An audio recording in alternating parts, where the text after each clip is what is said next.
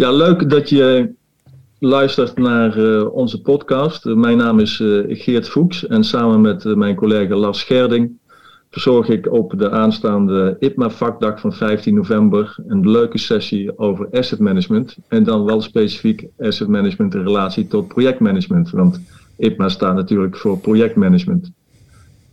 Als ingenieursbureau Haskoning DEV werken wij sinds jaar en dag continu aan projecten. En vooral projecten aan fysieke assets.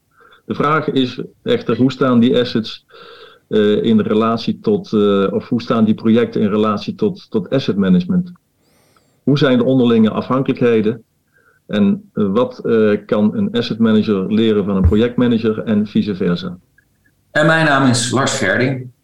In onze sessie willen we je heel graag meenemen in het asset management landschap. Wat wij dagelijks ervaren in onze praktijk. We willen heel graag laten zien hoe wij omgaan met de raakvlakken tussen projectmanagement en asset management.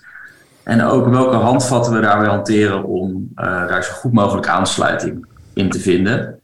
En dit alles natuurlijk met als doel om uh, projecten zo goed mogelijk te laten landen in het asset management landschap. Maar andersom ook, hè, wat mag je als projectmanager eigenlijk verwachten van asset management? Hier gaan we graag op in in de sessie. We nemen je graag mee in hoe wij het zien, wat onze ervaringen zijn.